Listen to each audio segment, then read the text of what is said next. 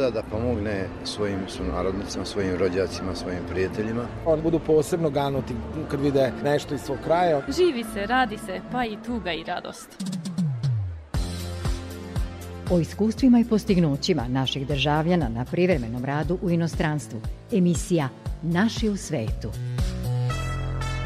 Dijaspora poziva Maticu, Matica odgovara dijaspori. Granice ne postoje u mislima brižnih. Emisija Naši u svetu.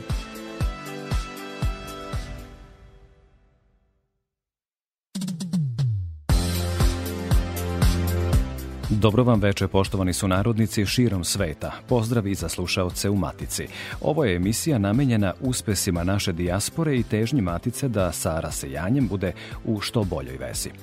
Epidemijska situacija u zemlji je veoma loša. Poručuju nadležni uz informaciju da je od korone samo tokom prethodna 24 časa preminulo 65 osoba, a novoinficiranih je 6217. Podsećamo da se od 22 časa u Srbiji okupljanja dozvoljavaju samo uz COVID propusnice. U večerašnjoj emisiji o preduslovima za ulaganje dijaspore u Matici čućete i kako protiče snimanje serijala o rumunskim selima gde žive ljudi našeg porekla, a saznaćete i kako je protekao festival dečijeg folklora u Belom manastiru kojim se čuva tradicija. Sa vama su u narednih pola sata za tonskim pultom Daniel Slimak, a pred mikrofonom Goran Pavlović. Ministar spoljnih poslova Srbija Nikola Selaković razgovarao je u Bratislavi sa članovima Slovačkog kluba prijatelja srpske kulture. Selaković je članovima tog kluba zahvalio što poštuju i promovišu srpsku kulturu i pozvao ih da dođu u posetu Srbiji. Potom se susreo sa predstavnicima tri udruženja Srba u toj zemlji, a obišao je i srpsko vojničko groblje u Velikom Međeru, gde je poručio da su takva mesta podsjećanje kroz šta je prošao srpski narod u Prvom svetskom ratu i opomena da nešto slično ne sme više nikada da se ponovi. Ovde imate sačuvan veliki broj imena i prezimena naših vojnika koji su ovde stradali. I zahvaljujući jednoj ozbiljnoj saradnji, dakle opštine Veliki Međer, Republike Slovačke, Republike Srbije, iz Srbije, Ministarstva spoljnih poslova i vlade autonomne pokrajine Vojvodine. Ovaj logor, odnosno ovo logorsko groblje, se iz godine u godinu obnavlja prethodnih godinu dana urađene su ploče sa imenima stradalih i to po godinama kada se to dogodilo. Ono što ćemo se truditi u budućem vremenu kao Ministarstvo spoljnih poslova da na svakom mestu gde znamo da je jedan naš čovek, jedan naš rodoljub ostavio svoj mladi život, boreći se za Srbiju, da to mesto obeležimo, tamo gde je to obeleženo, da održavamo na valjan način u saradnji sa Ministarstvom za rad, zapošljavanje, boračka i socijalna pitanja. Istim putem u oba smera. Emisija Naši u svetu. Pokrajinska vlada uručila je ugovore vredne 9 miliona dinara predstavnicima institucija i organizacija osam lokalnih samouprava u Republici Srpskoj i Federaciji BiH. Ta sredstva namenjena su za poboljšanje uslova, opstanak i ostanak srpskog stanovništva u tim opštinama i to je samo jedan u nizu projekata kojima se želi pomoći institucijama i organizacijama u Republici Srpskoj i Federaciji BiH. Dodaje se da će pokrajinska vlada nastaviti sa podrškom Srbima van matične zemlje, a da će ta pomoć biti proširena na naš narod u Sloveniji, Rumuniji, Hrvatskoj, Mađarskoj, Crnoj Gori, Severnoj Makedoniji i Albaniji. Strategija ekonomskih migracija u periodu od 2021. do 2027. koju je usvojila vlada Srbije, prvi je dokument kojim se u Srbiji reguliše i definiše oblast ekonomskih migracija. Donet je i akcioni plan za period od 2021. do 2023. godine, kojim su definisane aktivnosti koje bi trebalo da doprinesu za ustavljanju odliva visokostručnih i visokoobrazovanih kadrova, a s druge strane da se privuku takvi kadrovi iz dijaspore da dođu u Srbiju. Akcioni Akcioni plan je urađen uz podršku programa Migracije i dijaspora, koji je organizovao treći multiakterski dijalog na temu značaja uključivanja dijaspore u ekonomski razvoj Srbije.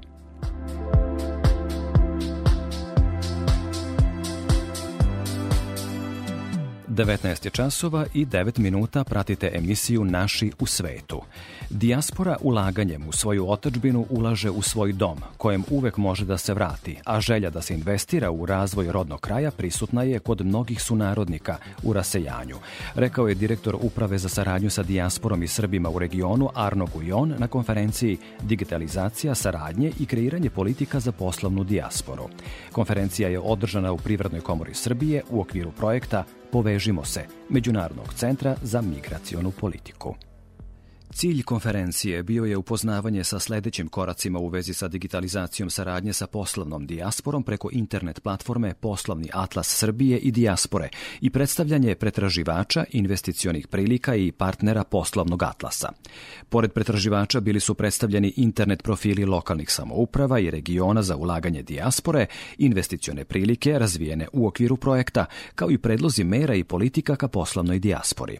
Na unapređenju investicionih uslova u našoj zemlji neprekidno se radi, uključujući i dopunu zakona o ulaganjima u cilju privlačenja investicija i njihovog zadržavanja u Srbiji, rekao je na konferenciji Branislav Pejčić iz sektora za investiciona ulaganja Ministarstva privrede. Upravo zbog jednog, eh, rekao ih paketa ili, ajde da kažem, palete instrumenta državne pomoći, govorimo o konkretnim oblicima state aida, najpre i najviše u ovaj, obliku takozvane regionalne državne pomoći. Tu postoji i de minimis pomoć koja je pre svega ovaj, značajna za jedinice lokalne samuprave, kažem za njih zato što i oni mogu da budu u funkciji davaoca državne pomoći onda kada dođe neko iz dijaspore u svoje rodno mesto u želji da ovaj, realizuje određenu investiciju. Ukoliko e, su predstavnici dijaspore zainteresovani, a mi ih pozivamo i želimo da dođu u, u našu zemlju, e, susreće se svakako sa e, ovaj, razvijenim pravnim sistemom koji garantuje i štiti investicije i štiti stečana prava investitora, ali će takođe i dobiti ponudu od nas, od države, da ih ovaj, država pomogne dodalom sredstava poticaja. To je zbog toga što se određ, što određene investicione projekte a, strane, odnosno domaći ulagači žele da realizuju s pomoć države, naravno svakom je dobro došla bespovratna državna pomoć, negde su to projekti gde je, gde je dodala državne pomoći ima karakter podrške da se projekat realizuje brže, ili na kvalitetni način i tome slično. Svakako, e, program podrške e, u sektoru proizvodnje podrazumeva da u zavisnosti od stepena razvijenosti jedinica lokalne samuprave gde se projekat realizuje, podrazumeva da država pomogne u proseku je ta pomoć negde na nivou 20% besplatnih sredstava u odnosu na opravdane troškove ulaganja. Program podrške u oblasti prehrambene industrije takođe je zanimljiv i podrazumeva da investitor zaposli najmanje 30 osoba i da uloži 2 miliona evra u osnovna sredstva, kaže Pejčić i dodaje da postoji i drugi vid ulaganja u oblasti prehrane bez zapošljavanja radnika. I tu su uslovi sledeći, dakle nula zaposlenih, novih, i milion evra ulaganja.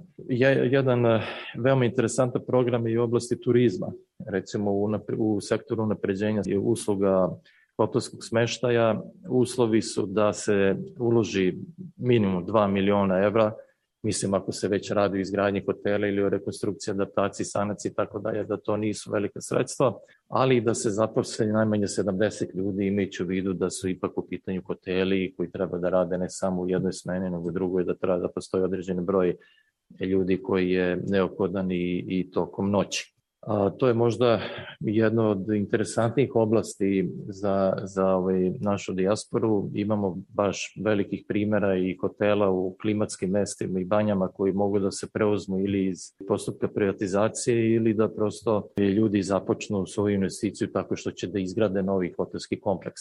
Na poslovnom skupu o ulaganjima koje uključuju i naše rasejanje bio je i direktor uprave za saradnju sa dijasporom i Srbima u regionu Arno Gujon. On je poručio da je za našu zemlju važno da svaki čovek u rasejanju ostane vezan za svoju maticu, jer su naši ljudi u inostranstvu i naši ambasadori u svetu. On je podsjetio na to da je u toku kampanja informisanja naše dijaspore koja je izbegla sa prostora BiH. Na nedeljnom nivou ostvarujemo više stotina hiljada kontakata sa pripadnicima naše dijaspore u svetu, kako preko društvenih mreža, tako i preko naših internet, internet sajtova, video snimaka i to je obasmerna ulica. Oni imaju priliku da vide šta mi radimo, šta mi predlažemo, a mi imamo priliku da vidimo šta oni imaju da kažu na to i šta možemo da čujemo i da naučimo od njih. Ono što je bitno, to nije povezivanje radi povezivanja. Kad kažem nekoliko stotina hiljada veza na nedeljnom nivou, da ću vam jedan konkretan primer kako to može da služi konkretno na terenu. Možda neki od vas znaju toku je usklađivanje zemljišnih knjiga i katastra u Bosni i Hercegovini. I pošto je 400.000 Srba ili potomaka Srba poreklom iz BiH danas živi u svetu, živi u Australiji, u Austriji, u Americi, u Kanadi. U njihovom odsustvu postoji rizik da izgube svoju imovinu, svoju dedovinu, svoje kuće, svoje njive, svoje šume. Kako dopreti do njih? Kako ih obaveštavati o tome? Pa upravo preko tog povezivanja. Pokrenuli smo to kampanj, tu kampanju informisanja tih ljudi pre meseci po dana. Do dana današnjeg uspeli smo da pomognemo i konkretno da pružimo pravnu podršku za preko 3000 takvih porodica, 3000 ljudi, što nije uopšte mali broj. I to je konkretno i konkretan rezultat tog povezivanja. Naravno, to nije stvar ekonomije, to je stvar zaštite prava Srba iz regiona. Ali vidimo da povezivanje ima više oblika.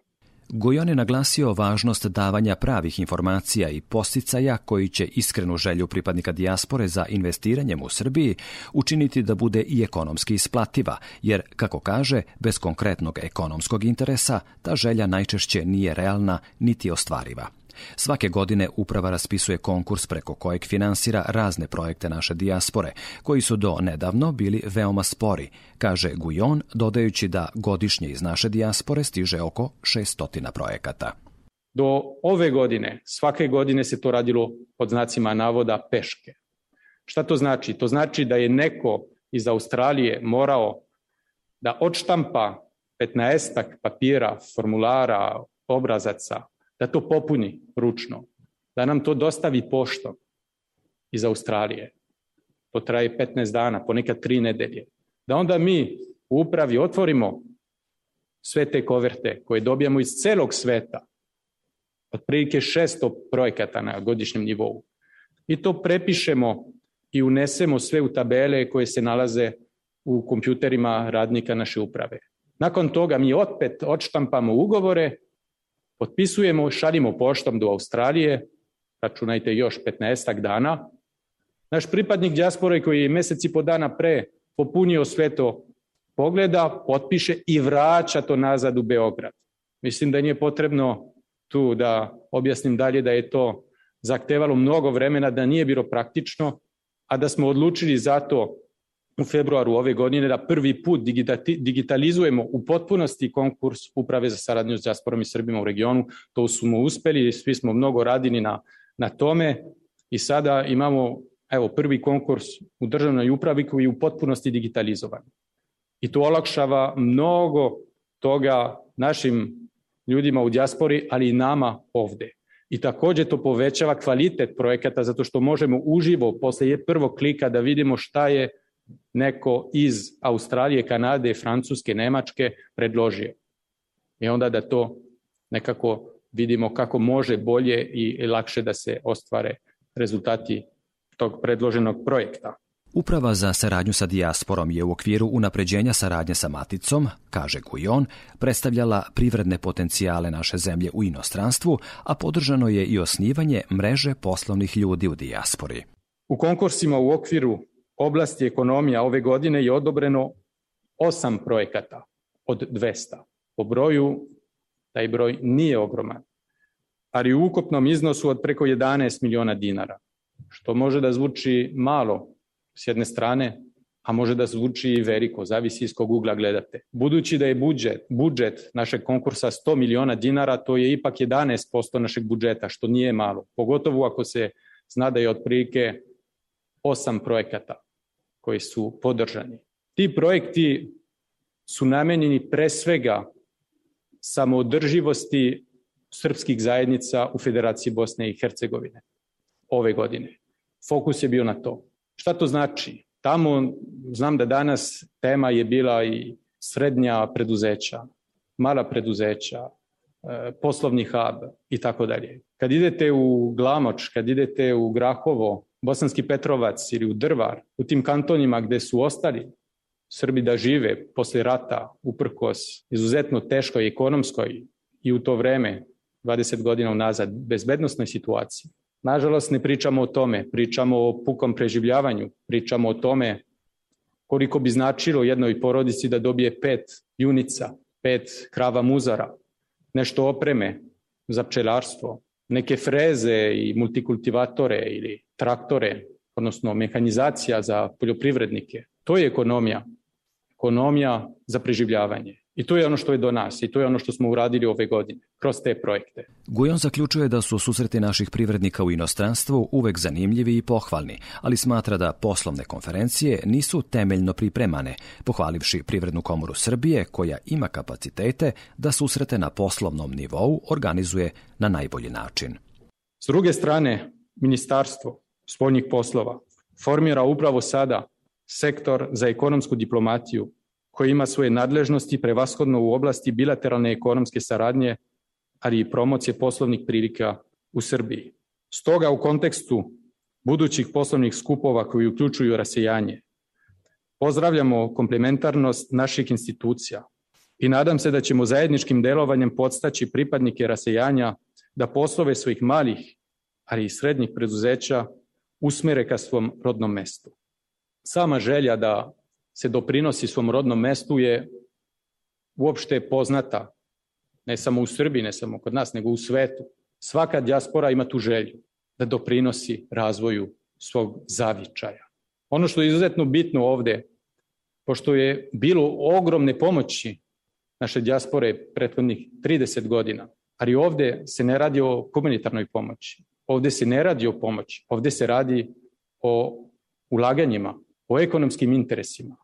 I zato ti projekti koji su predloženi tu i te mogućnosti koje će biti i na sajtu i na toj platformi i koji će biti prezentovani na tim skupovima su izuzetno bitni, zato što svaki pripadnik dijaspore koji želi da uloži svoj novac u Srbiji treba da ima i svoj ekonomski interes da to učini. Baš kao što svaki Nemac, Francuz, Amerikanac koji to čini, ima takođe svoj ekonomski interes da to uradi.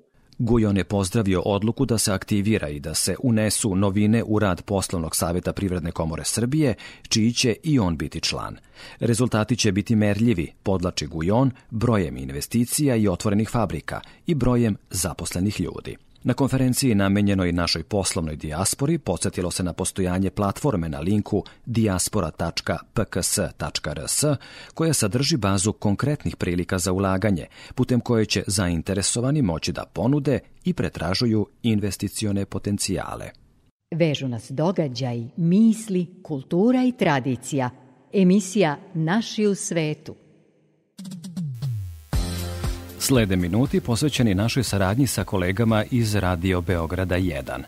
Nastavlja se snimanje serijala Iz sela u selo kojim je obuhvaćeno 50 sela u kojima u Rumuniji žive Srbi. Projekat je podržalo Ministarstvo kulture i informisanja Srbije, a reč je o videozapisima koji se postavljaju na stranicu Saveza Srba Rumunije i Facebook stranicu Naše reči, jedinog nedeljnika na srpskom u Rumuniji. Sa autorom serijala i glavnim i odgovornim urednikom Naše reči Nikolom Lakićem razgovarala je koleginica Gordana Gligorić, urednica emisije Večeras zajedno Radio Beograda 1, sa kojima razmenjujemo priloge i informacije koje doprinose odnosu matice sa dijasporom. Kolega Nikola Lakić iz Rumunije autor je projekta koji, po onome što smo do sada videli, zaslužuje sve pohvale. Podršku projektu dalo je Ministarstvo kulture i informisanja Srbije. Reč je o serijalu video zapisa o 50 srpskih sela u Rumuniji. Serijal je nazvan Iz sela u selo. Kolega, dobroveče. Dobro veče. Sve čestitke na onome što smo do sada videli. Hvala vam najlepše. Lepo je znati da se ovaj serijal prati i da želite da pridate pažnju ovom zaista uh, uh, teškom projektu koji je iziskivo i dalje iziskuje olimpijsku istrajnost. Projekat je izuzetno zahtevan. Šta je do sada bilo najteže?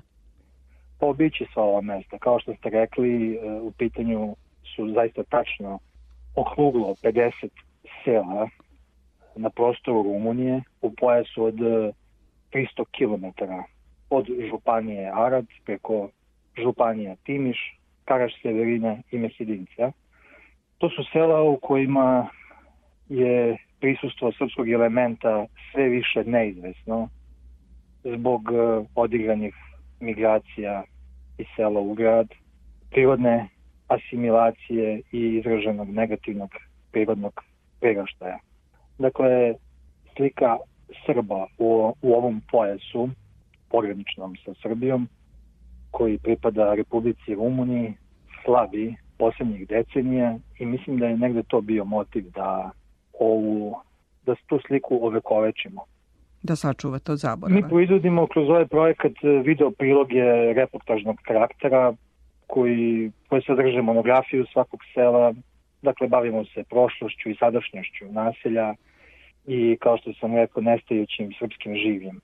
Posebnu pažnju posvećujemo nazivu i poreklu mesta, dakle toponimi, demografskom razvitku u selu, nastajanju prvih srpskih crkava, manje više u svim ovim mestima srpske crkve su nastale u drugoj polovini 18. veka. Takođe nastanku škola koje nažalost više nigde ne postoje. Mislim da ukupno imamo četiri škole. A sve škole su nastale 1776. godine, ako se ne varam, tadašnjom velikom obrazovnom reformu, reformom koju je spravila Austro-Ugarska monarhija. Takođe, u fokusu je i socijalni život Srba, opis nekih specifičnih običaja, zanimljivosti. Eto, kroz ovaj projekat smo saznali da iz jednog sela, na primer, velikog St. Petra, je 1932. godine u Jugoslaviji bila izvesna gospođa Mis, tadašnje Jugoslavije. Dakle, takvih zanimljivosti ima mnogo, a mi ih negde vadimo e, iz dubina prošlosti i kroz jednu savremenu videoprodukciju prezentujemo našoj javnosti ovde u Rumuniji.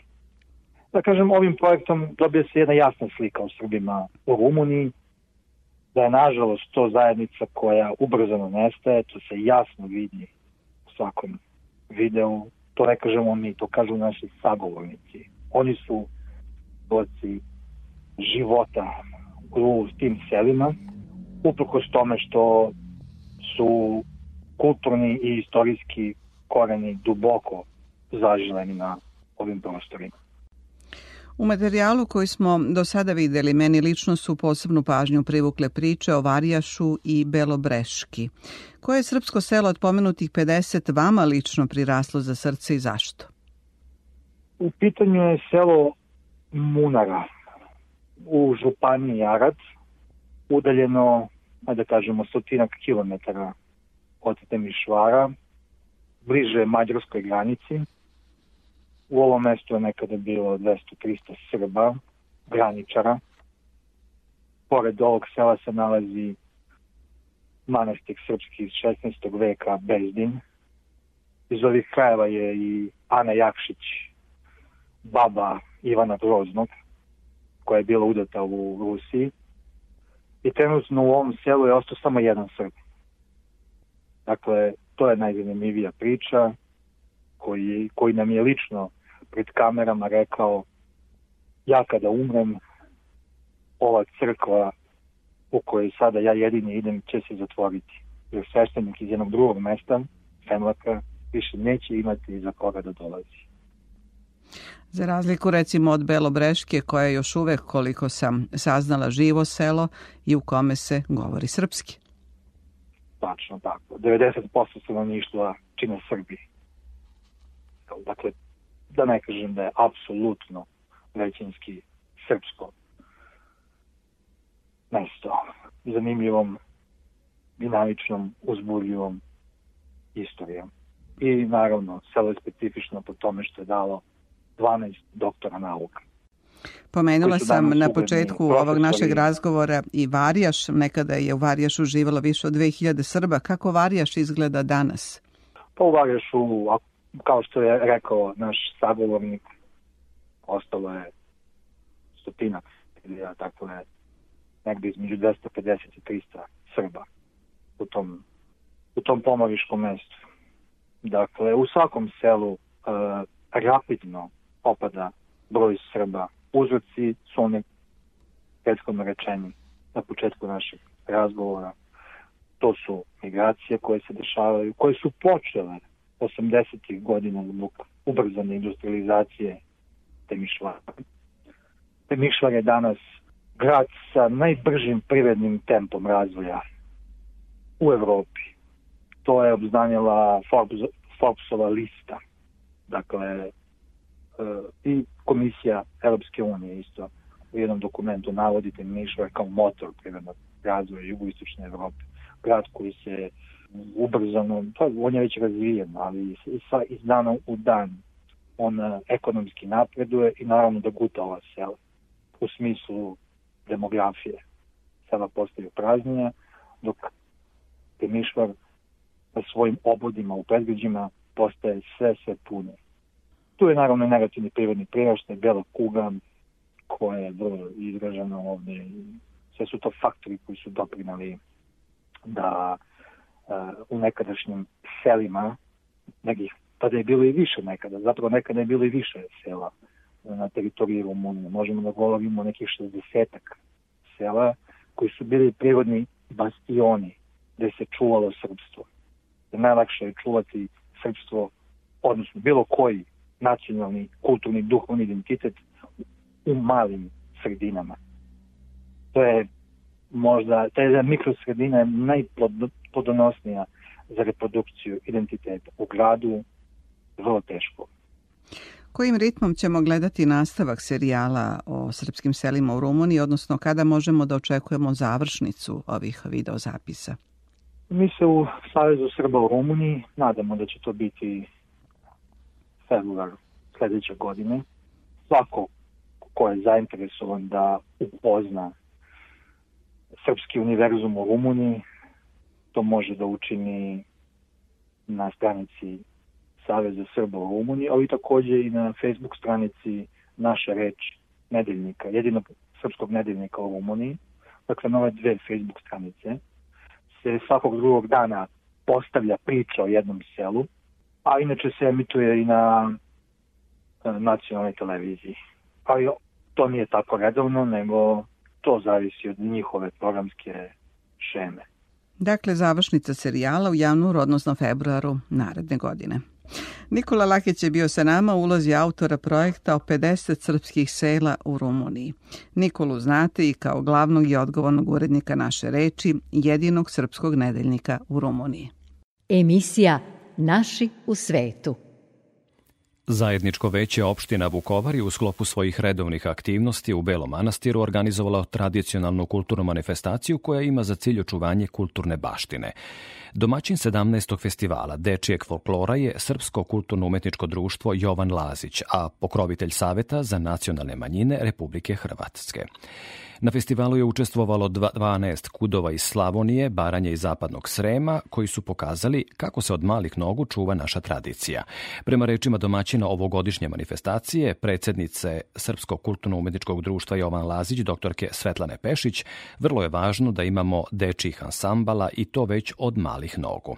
Predsednik odbora za kulturu zajedničkog veća opština Vukovar, Nebojša Vidović, kaže da se cela manifestacija realizovala u skladu sa epidemijskim uslovima ljudima. Da čujemo šta su još poručili.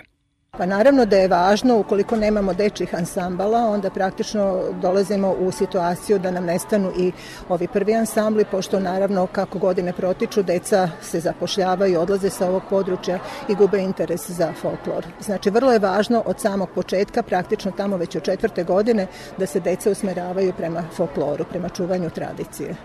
Ova korona nam je, ne mogu reći učinila problem, ali učinila je situaciju takvom da smo morali poštivati mere. Prošle godine u tom kontekstu nismo ni održali manifestaciju jer je stožer civilni, civilne zaštite done odluku po kojoj nismo mogli da održimo, a ove godine smo ispoštovali sve mere tako da ove godine možemo. Situacija je u toj meri i drugačija, jel? s obzirom da smo se navikli na godinu dana života sa koronom, onda u ovim okolnostima možemo da odradimo. Dakle, uz sve što je bilo potrebno, prijava stožeru civilne zaštite, dobili smo saglasnost, koristimo sve epidemiološke mere koje su potrebne da bi se ovo održalo i odradilo kako treba. Nevena ima dve diplome i ne zna šta bi s tim Još je nezaposlena Pasoš i karta u jednom pravcu i kreće sad u tri Možda za uvek Jovan je teši pa joj priča o večnoj ljubavi. Ona već sada sve zna. Vreme daljina čine svoje Ljubav je žrtvovana. Aleksa ima troje dece Ženu Jelenu. Ima li iznajmljen stan? Planira da im kupi kuću Da im stvori sve Želi da ostvari san Pakuje stvari, krije suze I svestan je već sad Da će propustiti sve Njihove igre male tajne Radosti i osmehe Toliko poštovani slušalci u večerašnjoj emisiji Naši u svetu. Sledeće zapise o uspesima sunarodnika u svetu pripremamo za naredni petak u 19.05. Večerašnje priče pripremili su Gordana Gligorić, Stana Nemet i Goran Pavlović. Sve informacije u vezi sa emisijom pronađite na Facebook stranici Naši u svetu RTV. Neka vam je prijatno veče.